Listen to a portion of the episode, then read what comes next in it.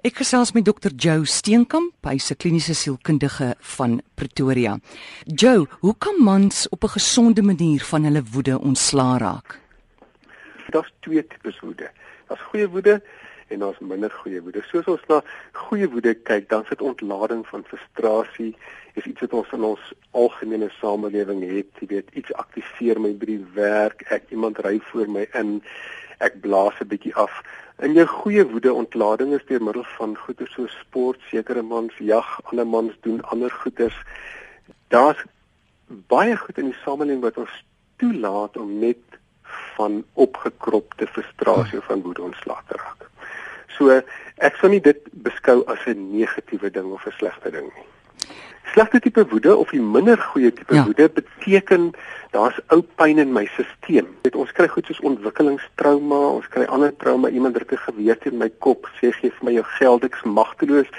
En wat daai goed in gemeen het, is die feit dat ek nie selfgeldend kan wees nie. Met ander woorde, daar sit 'n ding in my stelsel wat nooit klaar gemaak is nie.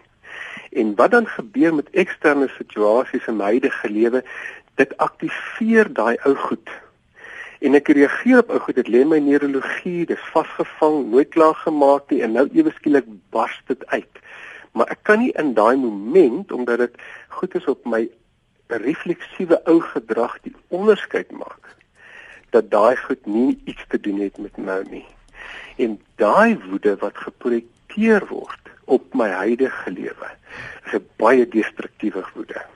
Wat sal die simptome van so 'n man wees wat woede onderdruk? Irritasie, gedurende irritasie. Ons sê altyd in praktyk dat is iemand geïrriteerd raak, dan gaan hulle in heling in. Maar wat gebeur met daai irritasie? Dit sê ek is kwesbaar.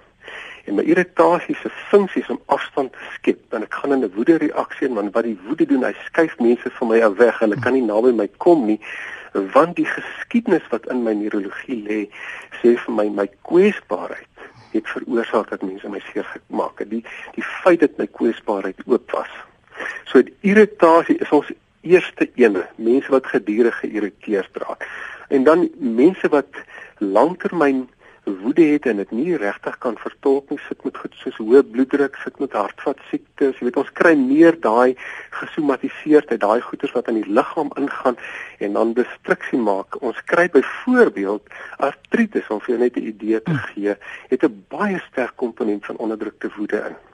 Jo. Ons moet kundig daarna kyk. Met ander woorde daai ding word so vasgevang in die lyf dat hy die lyf naderhand begin seermaak. So hy hy kan baie seer maak, maar die destruksie van van gewone woede wat kom van van ou seer af is hoofsaaklik in ons nabye verhoudings. Ons voel veilig daar, jy weet 'n man sal nie sy sekretaresse slaan nie, maar hy sal sy vrou slaan. En dit beteken nie aanvaarbaar maar hy voel veiliger om daai gedrag te openbaar by die mense wat vir ons die meeste saak maak, wat die naaste aan ons is. So dis 'n dis 'n baie baie algemene ding en maar ook baie jammer dat dit tot by daai vlak beweeg. Interessant wat jy net sê, soos 'n man geïrriteerd raak, is dit uh, eintlik 'n perfekte omstandighede vir heling om plaas te vind. Hoe kan 'n vrou haar man verder van daar af help om gesond te raak? Weet jy, ehm um, ek dink nie vrouens of mans kan mekaar se so kinders weet nie, maar hulle kan 'n bewustheid hê. 'n Bewustheid hê van wanneer iemand in daai plek ingaan word die persepsie so gekleur deur ou goed en nou goed te saam dat die persoon kan dit nie onderskei nie en die beste klimaat om te skep is om daai persoon se gevoel net te bevestig. Jy weet die die Engelse term validate. Mm. Ons om daai gevoel net te sê, weet jy, iets het jou nou vreeslik omstel of iets wat ek gedoen het of gesê het of wat Piet of Jan of Koos ook al gedoen het, het vir jou nou 'n gevoel gegee wat vir jou baie sleg is. So die jou eerste plek is om die gevoel te erken, dat hy kan in die nou inkom daai gevoel. Want wat gewoonlik dan gebeur is die persoon word gevoel word nie weer onderdruk nie. So hy gaan nie intern in pleeg verdere destruksie en pop jy later uit nie. So dis die eerste ding wat ek sou sê, hou 'n klimaat van validation of erkenning vir die gevoel. Moenie weghardloop van hom af nie. Die ander ding is om vir die persoon inligting te gee, te sê, weet jy, hier iets wat herhaal en ek het eers gelees of hoe ook al dat hierdie ding wat herhaal beteken jou stelsel probeer iets klaarmaak. Dit probeer iets heel, dit probeer weer by iets uitkom om te sê, weet jy, jy leef nie 'n kwaliteit lewe nie en hierdie ding moet klaarmaak sodat jy by al die dinge binne jou in kontak mee kan kom en 'n kwaliteit lewe kan leef. Jy weet en dan kan mens 'n naam gee of 'n voorstel maak en vir persoon sê, wat is jou opinie daarvan? Hmm. Joe Lastens, hierdie mother pain, as mens dit sou kan noem, Antoinette Pina praat altyd van mother trane wat in ons hmm. is. En kan gewone oefening jou help om daarvan ontslae te raak of sal jy terapie moet kry daarvoor?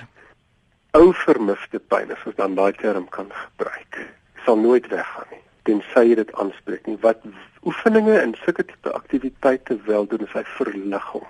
En dis goeie goeders.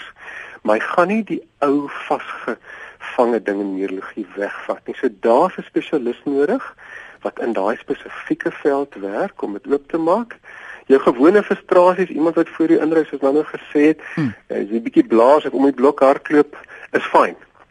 Hy's weg, maar die ou goeters moet aangespreek word. Hy sal, die dag as jy 93 is, gaan hy nog in jou stelsel sit. So gesels Dr. Joe Steenkamp, kliniese sielkundige van Pretoria.